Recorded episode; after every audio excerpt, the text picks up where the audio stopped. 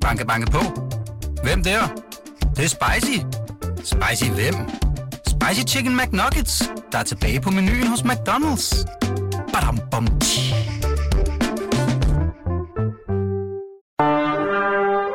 Du lytter til Radio 24-7. Den originale taleradio. Velkommen til Hitlers Æseløer med Jarl Kortua.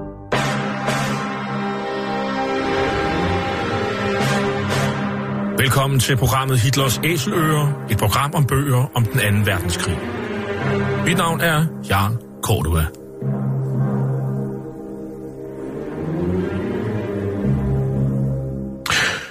Verdenskrig blev indledt den 1. september 1939 med det nazistiske Tysklands overfald på Polen. Der var tale om en racistisk erobringskrig, der kostede mellem 55 og 70 millioner mennesker livet, og hvor nazisterne systematisk myrdede jøder, romager og slaviske befolkningsgrupper, politiske modstandere og alle andre, der ikke passede ind i deres forestillinger om et ensartet folkefællesskab. Nazisterne de blev i årene efter dømt ved krigsforbryderdomstolen i Nürnberg, og flere af deres organisationer, såsom Nazistpartiet, SS og Gestapo, ja, de blev stemplet som ulovlige forbryderorganisationer. I den her serie, som vi har valgt at kalde for Hitlers æsler, præsenterer vi nogle af de mange bøger, som i disse år udkommer om den anden verdenskrig.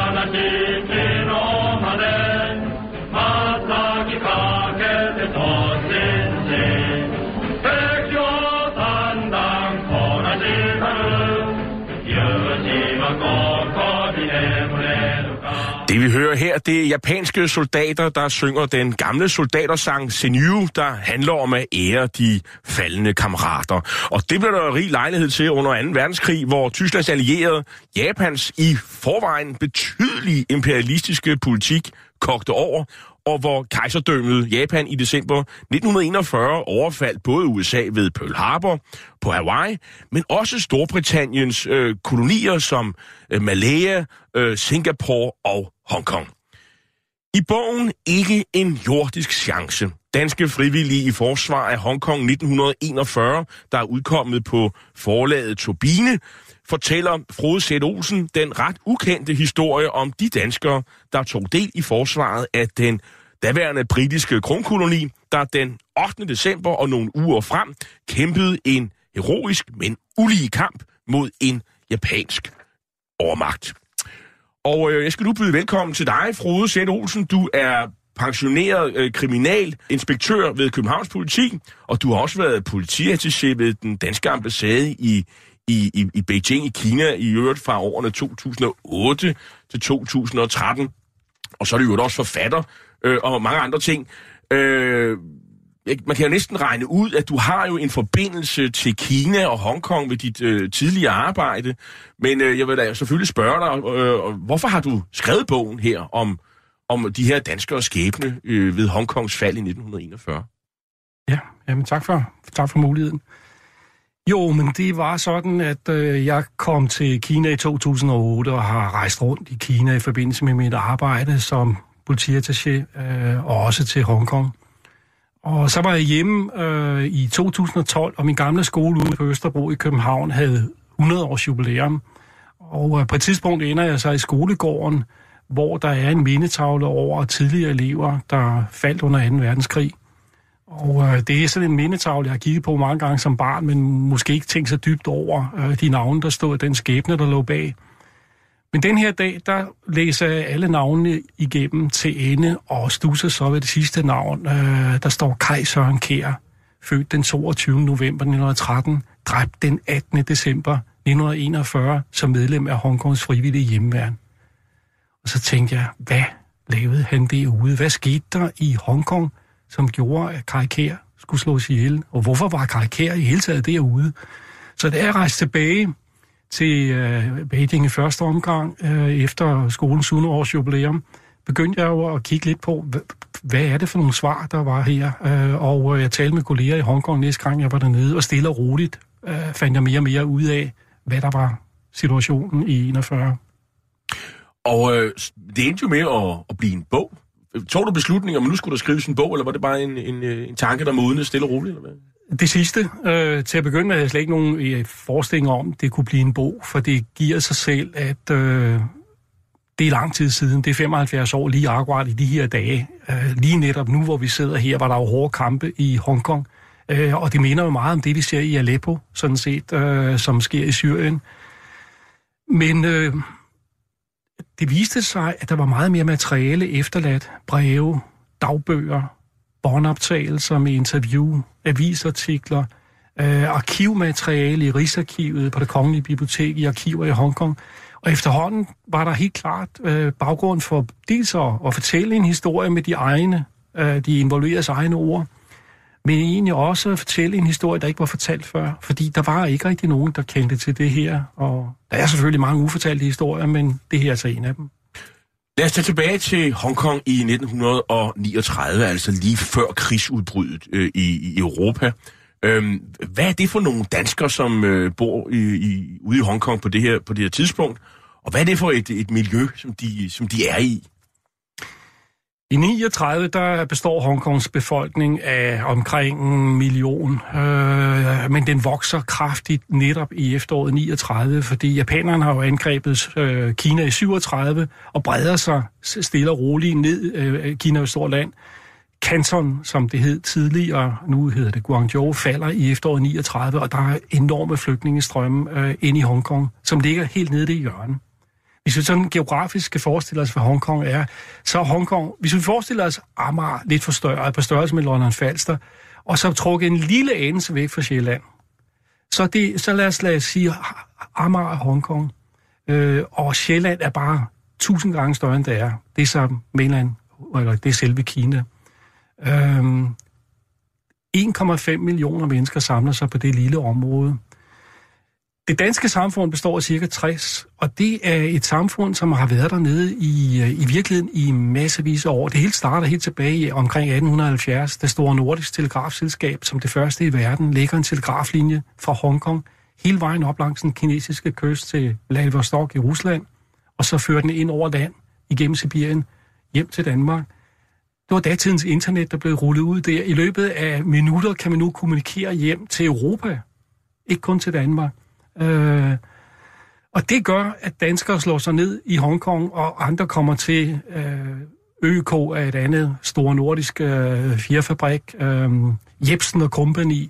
Så der er altså det er folk øh, med forskellige baggrunde, handelsfolk, ingeniører, søfolk, der slår sig ned, og nogle er gift, og nogle har børn. Men det er britterne, der ligesom styrer tingene derude, ja. og, der, og, og der er en britisk overklasse, som vi ligesom kender fra sige, øh, øh, filmens verden, som øh, de, de sidder på, på de, de er overklassen, og det er meget selvbevidst overklasse, og, og danskerne er vel sådan, øh, øh, vel også en form for overklasse, men selvfølgelig øh, øh rangerer de øh, længere nede i hierarkiet i forhold til britterne. Er det, ikke, øh, er det sådan, det er? Jamen, det er det. Altså, det er det, som man kan fornemme, når man læser, eller forstå simpelthen, når man læser. Der er et eksempel, hvor jeg talte med en af de danske, hvis far øh, fortalte, at de kunne sidde på en restaurant, og, og, og de var helt, øh, restauranten var helt fuld, med, med europæere, og pludselig kunne der komme et uh, britisk par ind og kigge sig omkring, og så kunne de sige, oh, there's nobody here, let's go somewhere else. Der er, der er ingen. der var ingen til stede. Uh, og der er ikke klart det hierarki. De engelsktalende uh, britterne er selvfølgelig i toppen, det er 8.000 mennesker. Uh, så amerikanere, New Zealand og Australien, og så kommer danskere og øvrige europæere. Vi, når man læser din bog, Frode Olsen, så er det jo øh, nogle unge danskere, man følger. Det er deres skæmne, du, du udruller. De, de, tager, de prøver lykken, kan man sige. Øh, øh og det er, det er jo med henblik på at skabe sig en, en tilværelse i Hongkong, at nogle af dem allerede altså, stadigvæk i 39 rejser ud til Hongkong. Hvem er de? Hvad er det for nogle øh, mennesker? Altså, det er og de firmaer, danske firmaer, der er i Hongkong, der er den her praksis, at man bliver sendt ud for fem år. Det er faktisk nogle af de dygtigste medarbejdere, de har. øh, og man bliver sendt ud for fem år. Og det hænger sammen med, at det er dyrt og vanskeligt, og man skal kunne komme ind i stoffet, og man kommer ikke hjem i de fem år. Øh, og så er der nogen, der slår sig ned. Altså, hvis man kan lide det her, og kan få sin familie, sin ægtefælle med på det, så bliver man i det resten af livet måske. Nogle af dem, og jeg har, nu har jeg lige været derude, en af dem ligger begravet derude, og ham, der er overlevet. Altså, de har hele deres liv derude, og nogen har været derude i generationer. Dem, der kommer derud fra Store Nordisk Telegrafselskab omkring 1870-80, omkring århundredeskiftet, de slår sig ned, de gifter sig. En dansker kan gifte sig med en australier og får et barn eller børn sammen, og de vokser op i et kinesisk samfund. Og, øh, og der er også penge at tjene simpelthen. Det, det er, øh, der er også business i det her. Men hvad er situationen politisk, øh, storpolitisk i Asien på det her tidspunkt? Fordi noget tyder på, at Hongkong er, er truet. Det er i hvert fald en fornemmelse, man har. Ja, men det er det. Altså, nu, hvis vi taler 41 eller 39, øh, krigen starter jo for Kinas vedkommende i virkeligheden helt tilbage i 31, da japanerne tager den nordlige del af Kina. Men det starter rigtig for alvor i 37 med de, øh, det voldsomme angreb på øh, først på Shanghai og senere på Nanjing, hvor der begås nogle forfærdelige krigsforbrydelser. Og stille og roligt æder japanerne sig ind på hele Kina. Ideen i det er jo, altså japanerne er allieret med, med tyskerne øh, og med italienerne, og øh, japanerne har haft den her fornemmelse af, at de hvide europæerne, kolonimagterne, havde alt for meget øh, indflydelse i Asien. Det er britter, det er franskmænd, det er hollændere, det er amerikanere, der sidder på Filippinerne, Indonesien, Malaya, som du var inde på. Råstofferne råstoffer og olie ikke mindst, så der er jo sådan set ikke noget nyt i det, og øh, japanerne vil gerne have dem ud, øh, hvis der skal være, det skal være et Asien for asiater, og hvis der skal være en kolonimark, så skal det være japanerne. Det er sådan det, kilderne siger. Øh, men de bliver holdt i skak af russerne. Øh, og først da Tyskland angriber Sovjetunionen øh, i sommeren 41, så er japanerne klar over, at nu, nu er vejen klar. Og det, de beslutter den 8. december, eller den 7. december, er på grund af datolinjen i Hawaii, det er jo ikke at kun at angribe amerikanerne, men at tage resten af Sydøstasien. Winston Churchill og den britiske regering, de har jo gjort sig nogle tanker om, hvad, hvad kan man sådan gøre for, for Hongkongs forsvar, og, og, og hvad er konklusionen, fra Olsen? Af for Hongkongs vedkommende, der siger Churchill på et tidligt tidspunkt, at der er ikke en jordisk chance for at forsvare den. Og det er jo sjovt nok titlen på ja. bogen her. Ja. Det er Winston Churchill, der siger ikke en jordisk chance. Ja. Og det er jo også tankevækkende, det er jo også det, der gør, at man tænker på, hvad får dem så til at melde sig, de her danskere? Fordi de har jo hele fremtiden foran sig. De er dygtige. Det er ikke deres fædreland. Alligevel stiller de op. De ved godt, at det her er sindssygt farligt. De har set, hvad der skete i Kanton i 39. Uh, øh, de ved, hvor, hvor, hvor stærke japanerne er. Alligevel bliver de. Og hvad er det så for nogle opgaver, de får, øh, dem, de danskere, der melder sig til det her? Det er jo ikke dem alle, skal jeg lige hilse at sige. Og der er også nogle problemer med, med at melde sig, fordi de skal jo aflægge ed, øh, ikke bare til den her, det her, den her milits, de er medlem af. De skal aflægge ed til hvem? Til den britiske konge. De er jo den 6. Ja. Jamen altså, Hongkong har et lille forsvar, det er en professionel britisk her, som øh, har fire bataljoner, grundlæggende noget, noget kystforsvars, noget artilleri, noget kystforsvarsanlæg. Øh, Øh, og det, der sker, det er, at ikke kun danskere, men alle dem, som mener, de kan og vil, øh, melder sig ind i Hongkongs hjemmeværn, som består omkring 1600 mand. Det er sådan en kludetæppe af unge og ældre fra alle sociale lag. Og der er ni danskere, der melder sig ind. Det er også folk i en moden alder. De to af dem, der er ældst, de er over 50 år. Ni ud af de 60, og trænger man kvinder og børn fra, så er det klart, at der er nogen, der ikke kan, enten er de for gamle fysisk øh, ikke stand til det, eller har måske heller ikke øh, synes ikke, det er det rigtige for dem, eller nogen har et ansvar for deres virksomhed, deres, som, som gør, at de ikke melder sig lige til det, men melder sig til noget andet. Så det er, det er det, de går ind i. Og de er, altså man kan sige, de er jo ikke uddannede soldater, de har været på nogle øvelser osv., osv. men det er folk, der kommer med vidt forskellige baggrunde og for første gang får et gevær i hånden. Og nogle af dem lærer at skyde med kanoner også. Ja, Altså, de er artillerister i virkeligheden. Men, men, men, øh, men det her med øh, edsaflæggelsen, hvordan, øh, hvad, hvad er egentlig problemet med det der at aflægge ned til øh, kong Georg den 6. af Storbritannien? Ja, altså jeg var ikke opmærksom på, at det var et problem, før jeg sidder og lytter til et interview. Uh, en af de overlevende kommer hjem til Danmark og bliver interviewet af Frihedsmuseet i 73.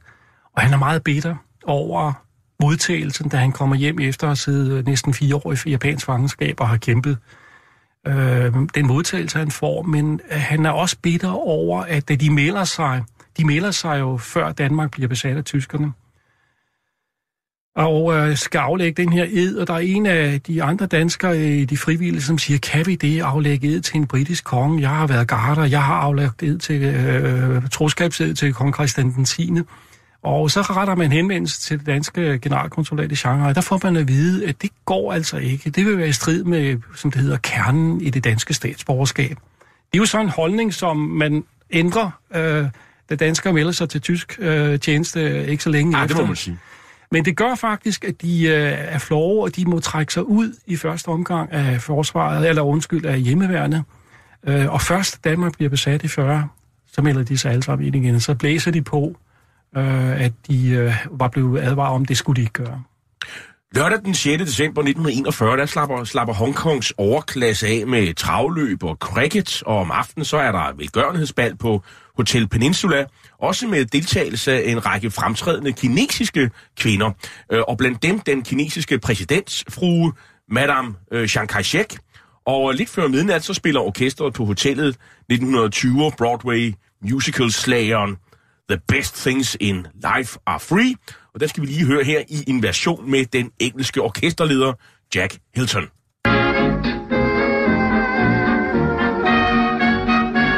The moon belongs to everyone. The best things in life are free. The stars all shine for everyone. They're shining for you and me. The flowers in spring, the birds that sing, the sunbeams that shine, they're yours, they're mine, and enough can come to everyone. The best things in life are free. Den skæbnesvangre dato søndag den 7. december øh, 1941, ja, der sker der en mobilisering af Hongkongs øh, hjemmeværn. Fordi der er jo nogen, der har observeret, at øh, 20.000 japanske tropper, de er øh, ved, bevæger sig, og man mener, de er på vej øh, mod Hongkong. Og øh, fru Sæt Olsen, Hongkong har jo en, øh, en leder af forsvaret.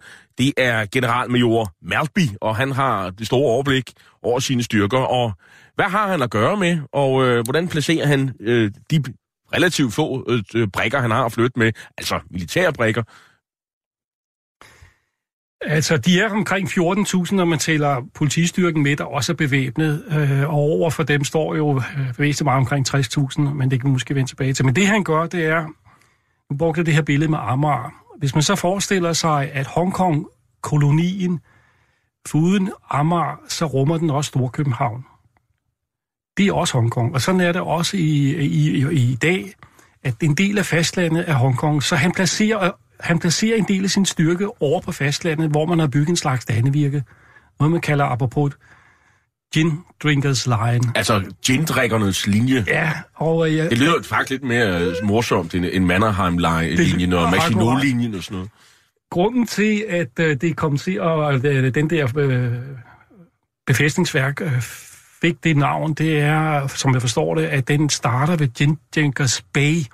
Og der sejlede man åbenbart i fritiden ind i den bugt, og, og der drak man så gin og tonic. Øh, og, og, men det er en anden historie. Men han placerer nogle, øh, nogle indiske, han har øh, to indiske bataljoner og øh, en øh, The Royal Scots, som det hedder, og de bliver sat til øh, at bemande den her øh, for, for, forsvarslinje, og man har en eller anden forhåbning om, at de kan be, øh, holde den et vist stykke tid. Og resten af sine styrker placerer han på Hongkongøen. Britterne havde jo den her fornemmelse af, at japanerne vil ikke angribe os. Det tør de ikke. De tør sig ikke at kaste sig ud i, i krig med, med Storbritannien og med Amerika. Det er jo helt utænkeligt. De vil få tæsk på den, på den lange bane. Det vil de, og, øh, altså, og, og, og man kan også se af, af kildematerialet, at de har jo ikke sådan de store tanker om den øh, kampvilje, japanerne har. Altså, man lægger ikke skjul på, at de har jo skæve øjne, de kan ikke ramme, og vi klarer dem imellem to kopper te. Det er sådan en... en Man er en, racist. Ja, man er, det er, må man sige, det er ikke, det er ikke de store øh, forventninger, man har til hvad, den modstand øh, og det angreb, der kan komme. Og jeg tror egentlig, at man er indstillet på, at øh, skal holde en blokade i en tre måneder. Og man har opbygget store lager af, af fødevarer og regner med, at vi holder dem, vi holder dem, holder dem hen, og så får vi hjælp fra, fra, fra Storbritannien. Det, det er planen. Men det viser sig til at, at, at at ske helt anderledes. Det går i anderledes. ただいま戦線の武装直が間髪せられました精鋭なる帝国陸海軍は今や決死の戦いを行いつつあります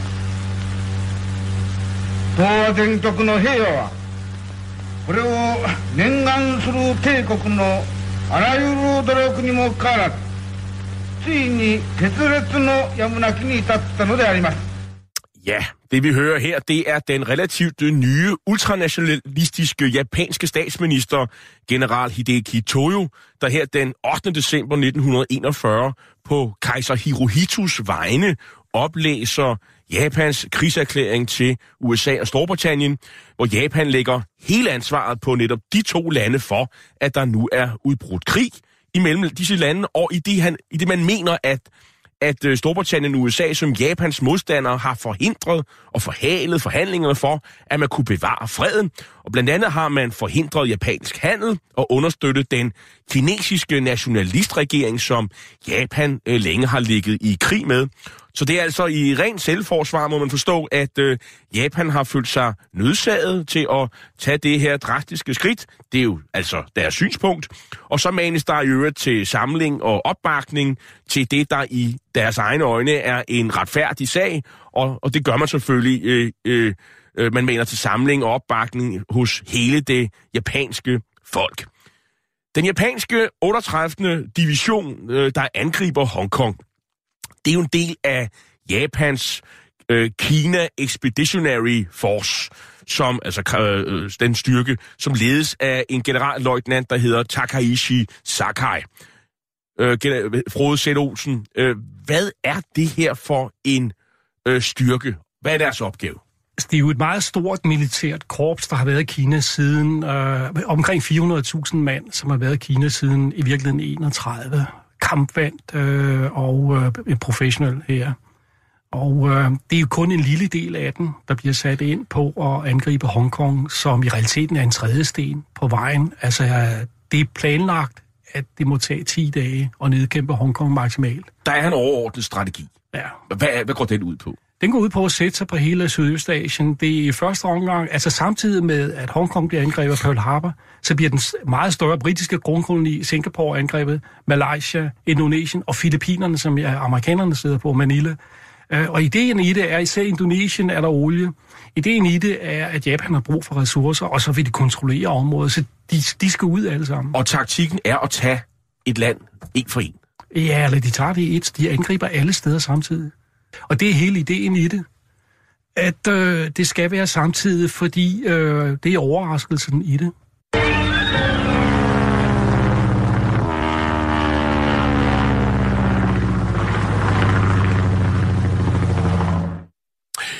Vi hører her en Taka, Tachikawa KI-36, altså en flyvemaskine, som i de allieredes kode bliver kaldt for en IDA. Og det er blandt andet en af de maskiner, der kaster bomber over Hongkong den 8. december 1941. Fru Olsen, hvordan forløber invasionen? Der sker det, at øh, den her såkaldte gin drinkers line, deres standevirke, det bliver overrendt. Øh, den holder ikke øh, en uge, eller den holder højst to døgn. Og øh, meget hurtigt står øh, japanske styrker helt fremme ved strædet og kan kigge direkte over på Hong Kong Island, som Hong Kong-øen, som er hjertet hvor general Malby sidder, og hvor guvernøren sidder. Så de kan beskyde det direkte. De giver så øh, britterne et tilbud om at overgive sig. Øh, der er sådan meget, øh, kan man sige, floromvunden øh, depeche, der bliver sendt afsted, hvor øh, den, kinesiske, altså, den japanske general Sakai, han siger, deres excellence, deres styrker har kæmpet modigt, øh, de kan trække dem tilbage, de kan overgive dem med, med, med ære og, og værdighed. Øh, jeg vil være meget ked af at skulle fortsætte kampene med de tab, også af civile liv, der vil være.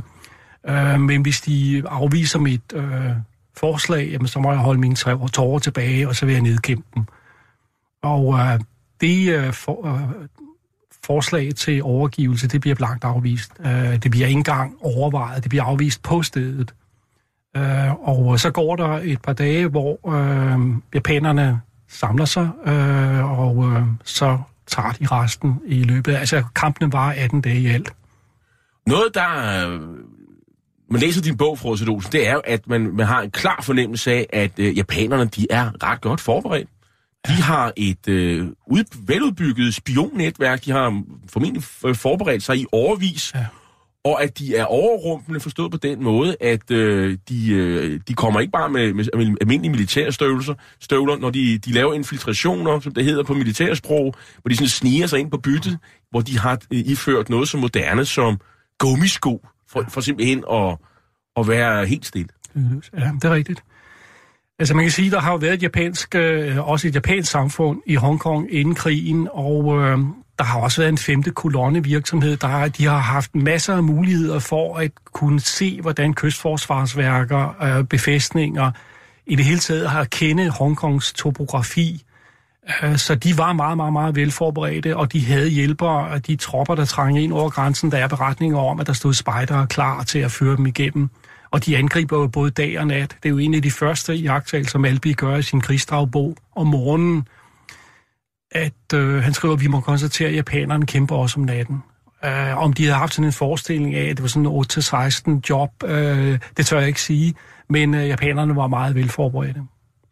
Og den her forsvarslinje, øh, Gin Drinkers Line, øh, den falder altså hurtigere, end øh, ja, selv japanerne havde planlagt. Ja, og øh, der er faktisk øh, Oberst Døj, som er øh, leder af et af de, de første regimenter, der trænger frem. Han får faktisk at vide, fordi det går så stærkt, at han skal lige passe på, at de ikke bliver lukket i en fælde.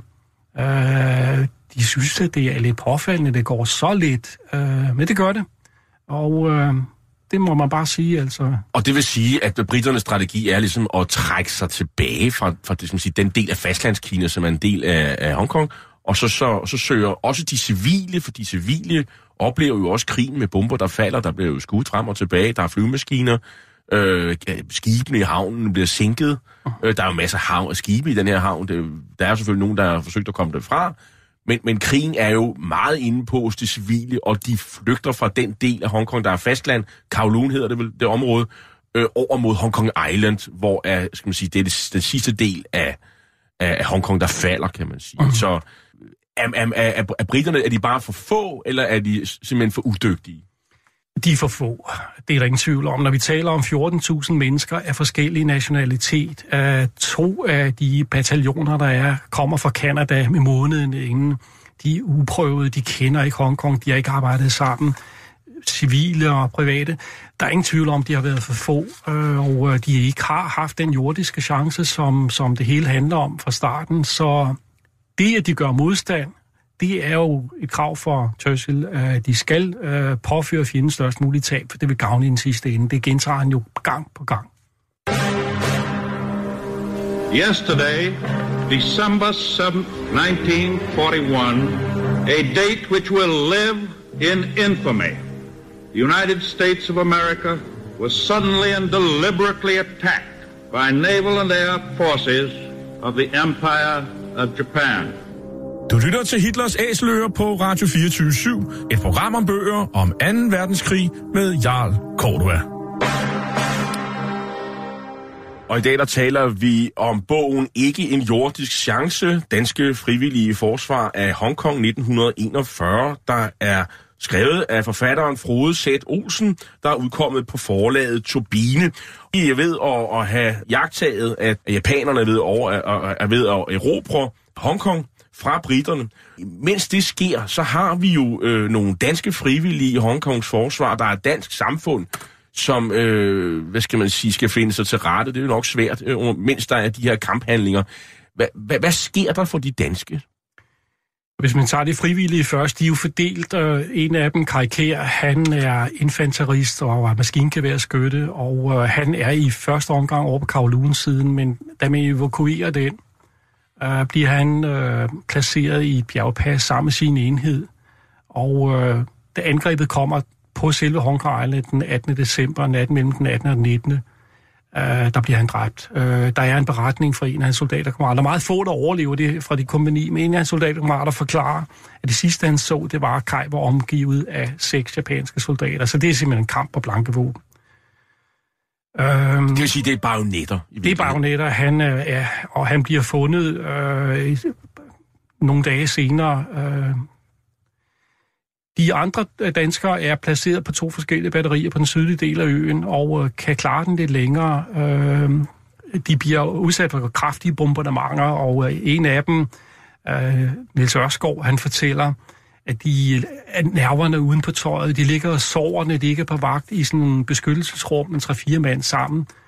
Pludselig er der en, der vågner med et, med et skrig, og øh, de tror alle sammen, at de blev øh, angrebet af japanere. Der er japanere, der er trængt ind i den her bunkers, de ligger og sover i. Så Niels han forklarer, jeg springer op, jeg kan ikke se noget, men springer op, tager min bajonet, springer op i et vindue og er klar til at stikke den første ned, der nærmer sig mig.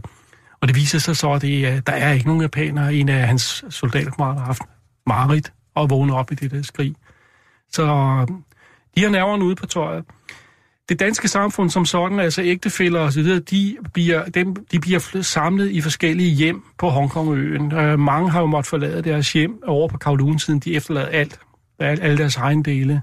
Og øh, er så sammen, kvinder og børn er sammen i forskellige hjem, med 3, 4, 5, 6 kvinder med børn. Og øh, den danske konsul, som er nordmand på det tidspunkt, prøver at, på bedst mulige måde at, at tale med øh, der er et spørgsmål om mad skal, skal leveres, og penge og så videre, så videre.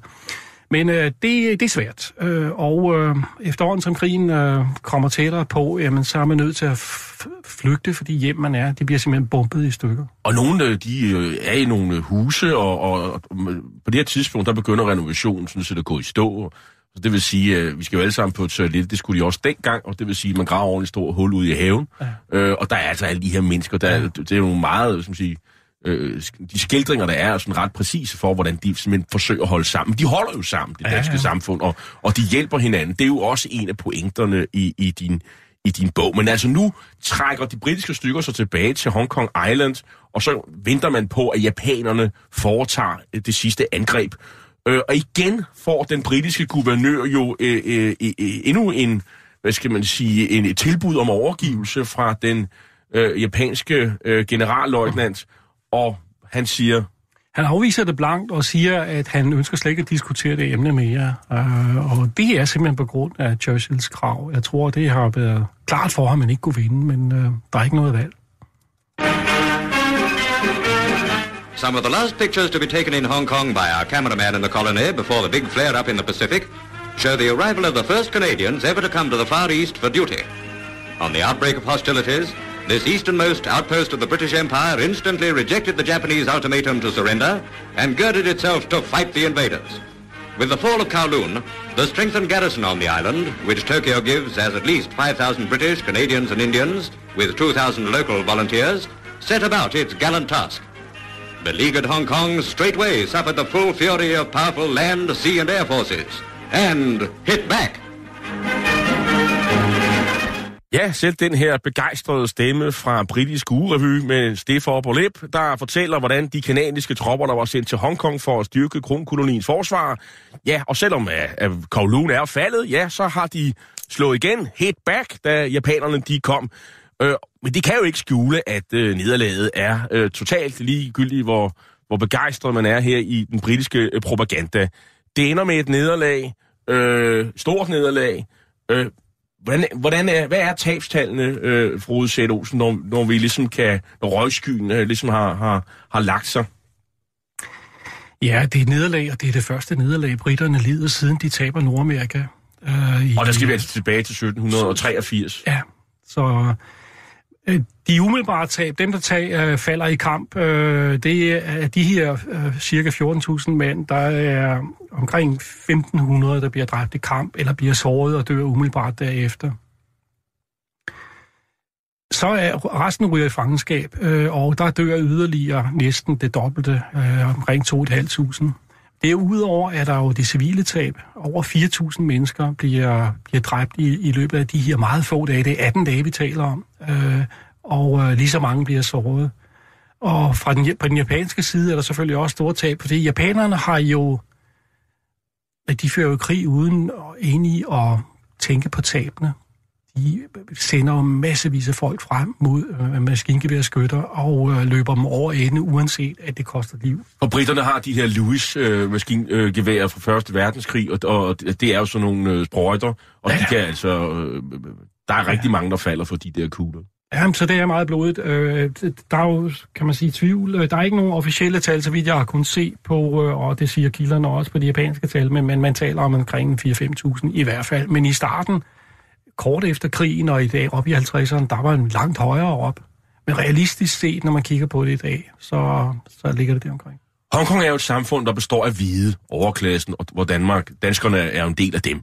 Og så er der jo også en stor kinesisk befolkning, det er jo faktisk de fleste. Ja. Og øh, hvordan har de det med japanerne? Øh, altså er de øh, solidariske med det samfund? Ser de også japanerne som aggressorerne, øh, og er solidariske med de hvide? Eller eller hvor, hvor er deres sympatier i, i De ser helt klart japanerne som aggressorer. Altså man skal jo tænke på, at Kina er jo offer for en uh, japansk krigsførelse og har været det i på det tidspunkt i 10 år. Uh, og de slagterier, der finder sted op i Nanding, uh, kender alle jo til, at man slår 300 civile mennesker ihjel på 6 uger.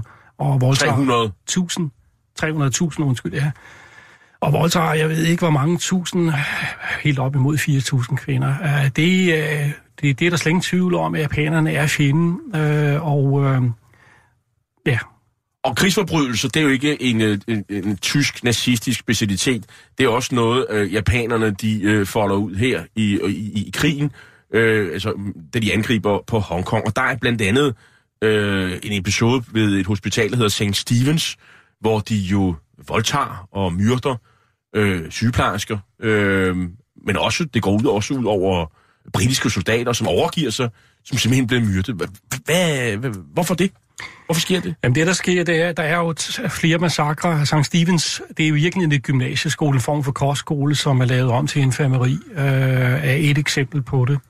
Øh, det er øvrigt det er også Kurt Wilkens, en anden af de danske frivillige falder. Han er faktisk sendt ud der for at være med til at forsvare det der infirmeri. Øh, de tvinger simpelthen alle patienter, om de kan, hvis ikke de kan gå selv, så bliver de båret ned i gården, og øh, bliver simpelthen slået ihjel. Og de sygeplejersker, der er, øh, ja, britterne af dem bliver slået ihjel, alle bliver voldtaget, og... Øh, er det en politik, der er sanktioneret fra den øh, japanske øh, ledelse, eller, eller er det bare noget, der sker? Det kan jeg ikke sige, sige. Jeg tror, det er noget, der sker, øh, det er min fornemmelse, det er noget, der sker i, uh, i den slags situationer, uh, og vi har jo set det i alle krige, at det første døgn efter man er overtaget, der kan officererne ikke styre soldaterne, og der er en eller anden forventning om, at de kan gøre, hvad de vil. Det er jo ikke kun et spørgsmål om at lave overgreb og slå folk ihjel. Det er også et spørgsmål om, at man plyndrer, tager alt, hvad man kan finde værdi, og det er ligesom om, det er belønningen for, for ens kampvilje, kampevne, det er det, man det er min fornemmelse, og japanerne er ikke forskellige fra nogle andre der. Hongkong, øh, der har så været krigsskueplads i, i nogle uger øh, i, i 1941. Øh, kort før jul, der overgiver man så endeligt. Øh, hvor store er ødelæggelserne i Hongkong? De er meget store. Altså i første juledag om morgenen, man overgiver sig, og øh, det er også det, at faktisk der falder en del her blandt Kurt Wilkens. Øh, Jamen altså, hvis man ser fjernsyn øh, og ser, hvad der sker i Mellemøsten i øjeblikket i Syrien, og ser, hvad der er tilbage af bygninger, øh, vi har jo set det mange steder, så er det jo skoler, det er boliger, det er fabrikker, det er havneanlæg, det er broer, alt bliver ødelagt. Skibe med køretøjer, alt er, er tabt, og, og, og i virkeligheden bliver meget også jo plyndret. Øh, japanerne tager en masse biler, automobiler til Japan. Så ja. Lige omkring Hongkongs fald, der øh, undslipper en, en række vigtige efterretningsfolk, øh, blandt andet SOE's øh, lokale chef, altså den britiske øh, Special Operative, Operative Executive, altså dem, der laver, hvad skal man sige, øh, efterretnings, øh, state behind operationer, kan man sige. Øhm, og der er der to danskere, der spiller en ret afgørende rolle for alle de her efterretningsfolk. Nogle af dem er jo også kinesere, at de, de, de slipper øh, af, sted. Og det er jo sådan ret dramatisk øh, øh, redningsaktion. Blandt andet så, øh, så, så den båd, man, man, man, man slipper afsted med fra Hong Kong Island, øh, den, bliver, den bliver sænket, og, men man er klar alligevel skærende, og så undslipper man til, til nationalist-Kinas øh, linjer. Øh, og hvad var det for noget? Øh, det var to danskere, der bidrog med, med hvad, øh, Roset Olsen? Jamen, det er lidt en selvfølgelighed. Øh, som du siger, der er nogle folk, der skal ud. Øh, dels nogle britter, og dels nogle øh, kinesiske øh, officerer, som vil blive tortureret og øh, bliver dræbt helt sikkert, øh, og som kan afsløre vigtige og informationer. Planen er, at man har holdt en motortorpedobåd i beredskab, som skal tage de her øh, folk væk. Det er en 10 stykker. Øh, I virkeligheden så er der ikke så meget plan. De skal sejle ind til mainland China, som også er besat af japanerne, men de skal bare væk fra Hongkong, og så må de selv finde ud af at komme ind til det, der hedder Free China. Så skal man forestille sig, at den, det Aberdeen, det er en lille flåde, har havneby øh, på den sydsiden af Hongkongs sø. Øh, den er under hæftig bombardement i den sidste time i overgivelsen, øh, og det er den 25. december, vi er ude på eftermiddagen. Den her motortorpedobåd, man havde planlagt skulle være der, den kan ikke være der, den vil blive sænket, så den er trukket væk ud. Og der kommer to biler proppet med de her mennesker, og de kører forvildet rundt og tænker, hvad gør vi nu? Og så ser de den her lille båd, øh, og der står et par mand omkring, og det viser sig at være to danskere. Det er dels en, der hedder Alex Damsgaard, og en, der hedder Holger Christensen. Øh, de arbejder for Store Nord, og øh, de bliver hurtigt sat ind i situationen, og de siger, vi tager jer med. Ideen i at sejle væk, komme ud og se, om man kan få kontakt med den her motortorpedobåd. Øh, Japanerne opdager, at da båden tager afsted, opdager dem ret hurtigt og begynder at beskyde den, den byder i brand, og øh, Damsgaard bliver hårdt såret og falder ned, øh, og andre bliver dræbt. Dem, der ikke bliver dræbt, de springer i vandet og øh, kommer i, ind på et lille klippeskær ud fra havnen og tænker, nu er det slut. Holger, som er sådan en ung, initiativrig fyr, når man sådan kan se, hvad han gør, han kravler om på den anden side af det her klippeskær, og så ser han ude i horisonten sådan fuldkommen uvirkeligt, usandsynligt, ser han silhuetten af den her motorcykelbåd. Og han beslutter sig så at springe i vandet og svømme derud og råber, vi er her, og det lykkedes ham faktisk at få dem varskoet, øh, så man får samlet de her flygtninge op og får dem bragt i land. Og de kommer faktisk også igennem de japanske linjer og ender ude i Chongqing, i det, der er Kinas hovedstad på det tidspunkt. Hvad sker der med Hongkongs øh, vesterlandske befolkning, nu hvor japanerne sidder på det? Og, og hvad sker der med danskerne efter kapitulationen? Alle dem, som har båret våben, de kommer i krigsfangenskab og har overlevet, og det er der seks danskere, der gør. Øh, og det går dem virkelig dårligt. Øh, de får næsten ikke noget mad. De skal arbejde hårdt på at være med til at genopbygge, ikke mindst de militære anlæg, lufthavne og den slags ting. De får ikke, næsten ikke noget medicin, øh, og øh, meget hurtigt begynder krigsfangerne at dø i stort tal. Er det sådan en koncentrationslejr-lignende forhold? Øh, kan man sammenligne det med det?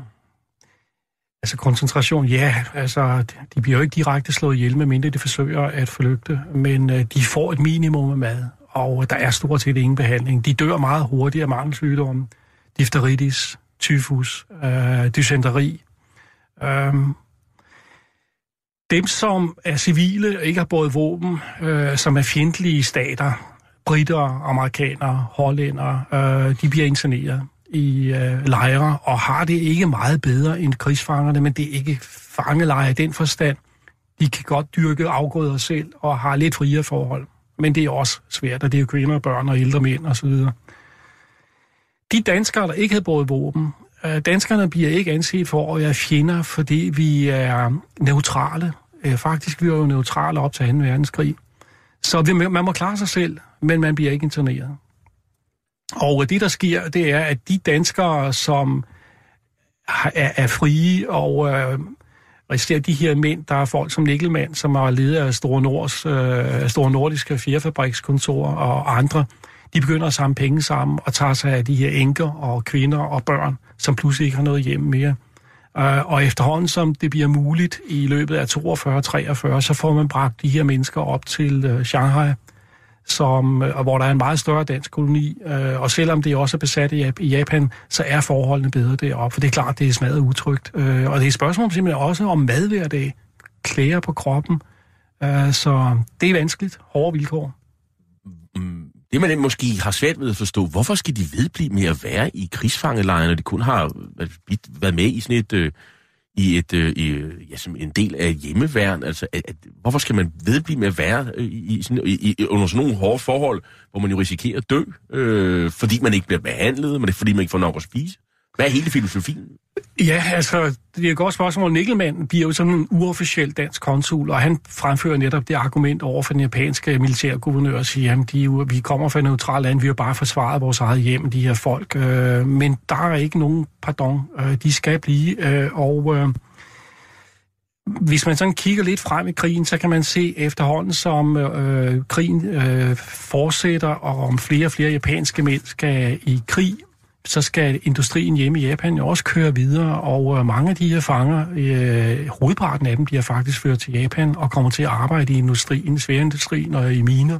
Og det gælder også for en af danskerne. Jørgen Vibe Christensen hedder han. Ja, han havner i en, øh, i en kulmine i det nordlige Japan. Han kan ikke engang gå i land. Uh, han er- bliver båret i land, så afkræftet er han, da han kommer til Japan uh, med et fragtskib fra Hongkong. Uh, Og han mener set, at han er, lige, han er tæt på at dø. Altså, på det tidspunkt, øh, da han, han, han har jo skrevet øh, i sine erindringer, da han bliver klar over, hvad han skal i Japan, og ser, at han skal ned i minen, der har han svært ved at holde modet op. Så kan det næsten ikke blive værre efter tre og et halvt års krigsfangenskab, og så skal ned og arbejde i en kulmine. Men han, han overlever gudskelov. Men, men øh, det der med at komme til Japan, det er jo ikke lige noget, man bare gør. Øh, fordi der er en, en ret stor risiko for, at man undervejs øh, bliver sænket på de japanske skibe, der fører folk fra øh, de her besatte lande til Japan, fordi at amerikanerne jo har øh, øh, lavet en blokade af Japan, og, det vil, og de sænker de her skibe øh, ja, stort set uden øh, og, og øh, ja, det gør de bare. Altså, der, der sker det, at øh, japanerne jo ikke øh, mærker de her skibe af, som de skal, at der er krigsfanger ombord. Øh, det er det, beretningerne siger, og øh, der er så et eksempel af Lisbon Moru, hvor der er øh, omkring, jeg tror, 1800 krigsfanger ombord, bliver sænket af en, af en amerikansk ubåd. Kaptajnen har ingen anelse om, at der er krigsfanger ombord, men det kommer til at koste 800 krigsfanger livet. Så det er sindssygt farligt. Det ved de faktisk. Det rygtes jo til Hongkong, da Jørgen Vibe bliver klar over, at nu skal han til, nu er han blandt dem, der er valgt ud. Der er det jo også en, en, en ting, man tænker over, at klarer vi det? Bare rejsen derover, ikke? En af dem, som øh, jo dør i krigsfangelejre, det er Nils Ørskov Christensen. Øh, hvem er han? Nils Ørskov arbejdede for et firma, der hedder John Manners. Det er i virkeligheden, det lyder engelsk, men det er i virkeligheden ejet af en, en, en dansker, der hedder Wallace Hansen. Og det var ligesom ØK. Man handlede med alt muligt. Øh, træ, øh, alle former for afgrøder, sojabønner, skind osv. Og Nils øh, var, havde fået sin ægtefælle, havde været hjemme og blevet gift, og var kommet tilbage til Hongkong og har en dreng på 10 måneder. Øh, meget, meget dygtig mand. Øh, der går jo rygter om ham på øh, den klassiske legatskole. Han fik en af de flotteste eksamener nogensinde.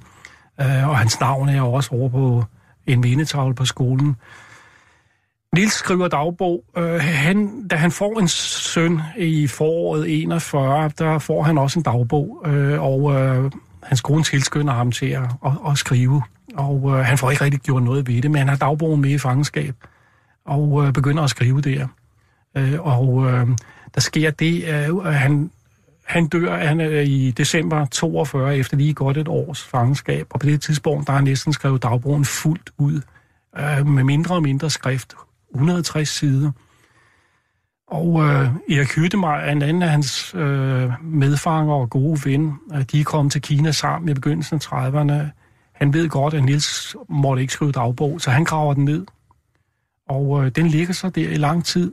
Øh, da krigsfangerne så bliver løsladt i august 45, japanerne har fået to atombomber og, og simpelthen overgiver sig, der graver Erik dagbogen op igen og tager den med hjem og giver den til i foråret, januar 46, giver den til Nils Enke. Og hun har jo ingen anelse om, at han har skrevet så meget. Øh, så det bliver meget øh, rørende øh, øjeblik, hvor hun siger senere, at det var som for Nils tilbage.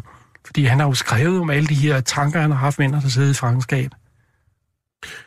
Som nævnt så smider amerikanerne to atombomber den 6. og den 9. august 1945 over øh, to japanske byer, Nagasaki og Hiroshima.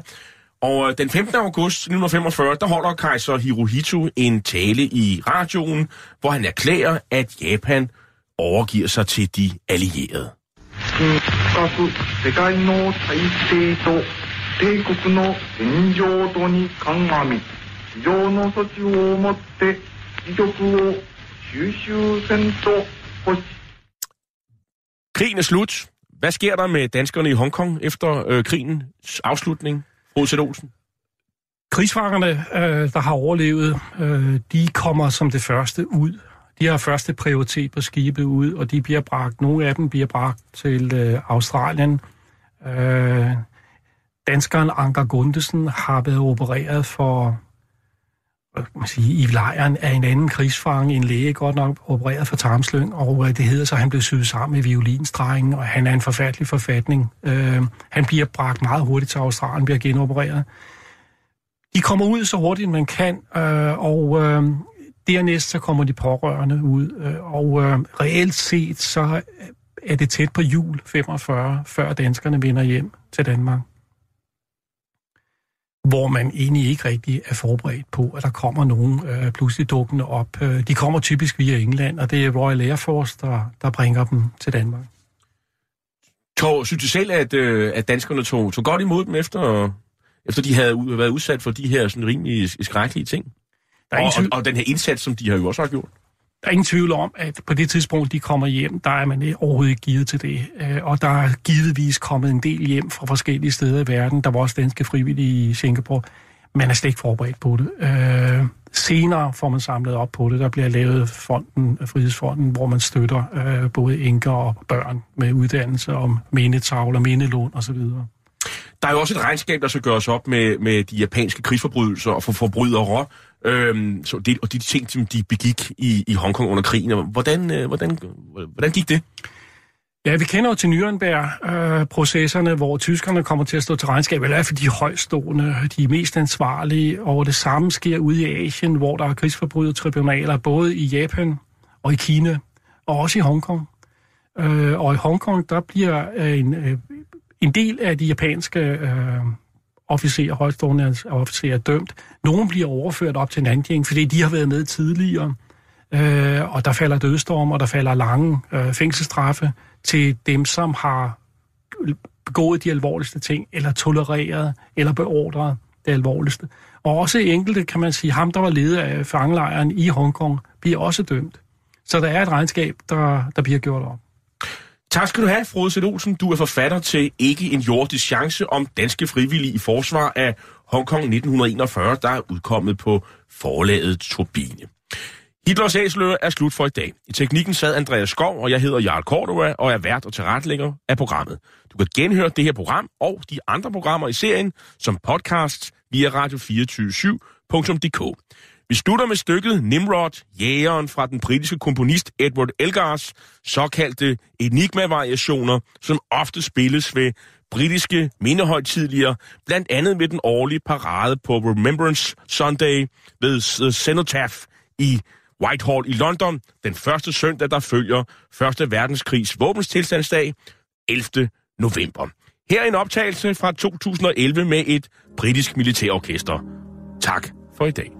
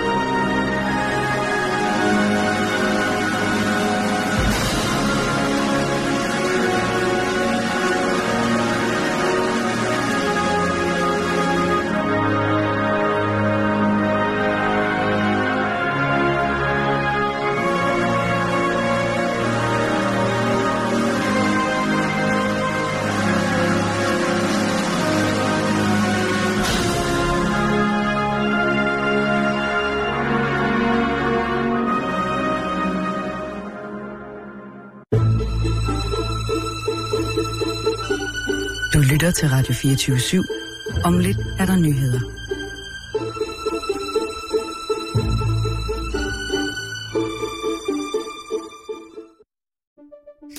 Banke, banke på.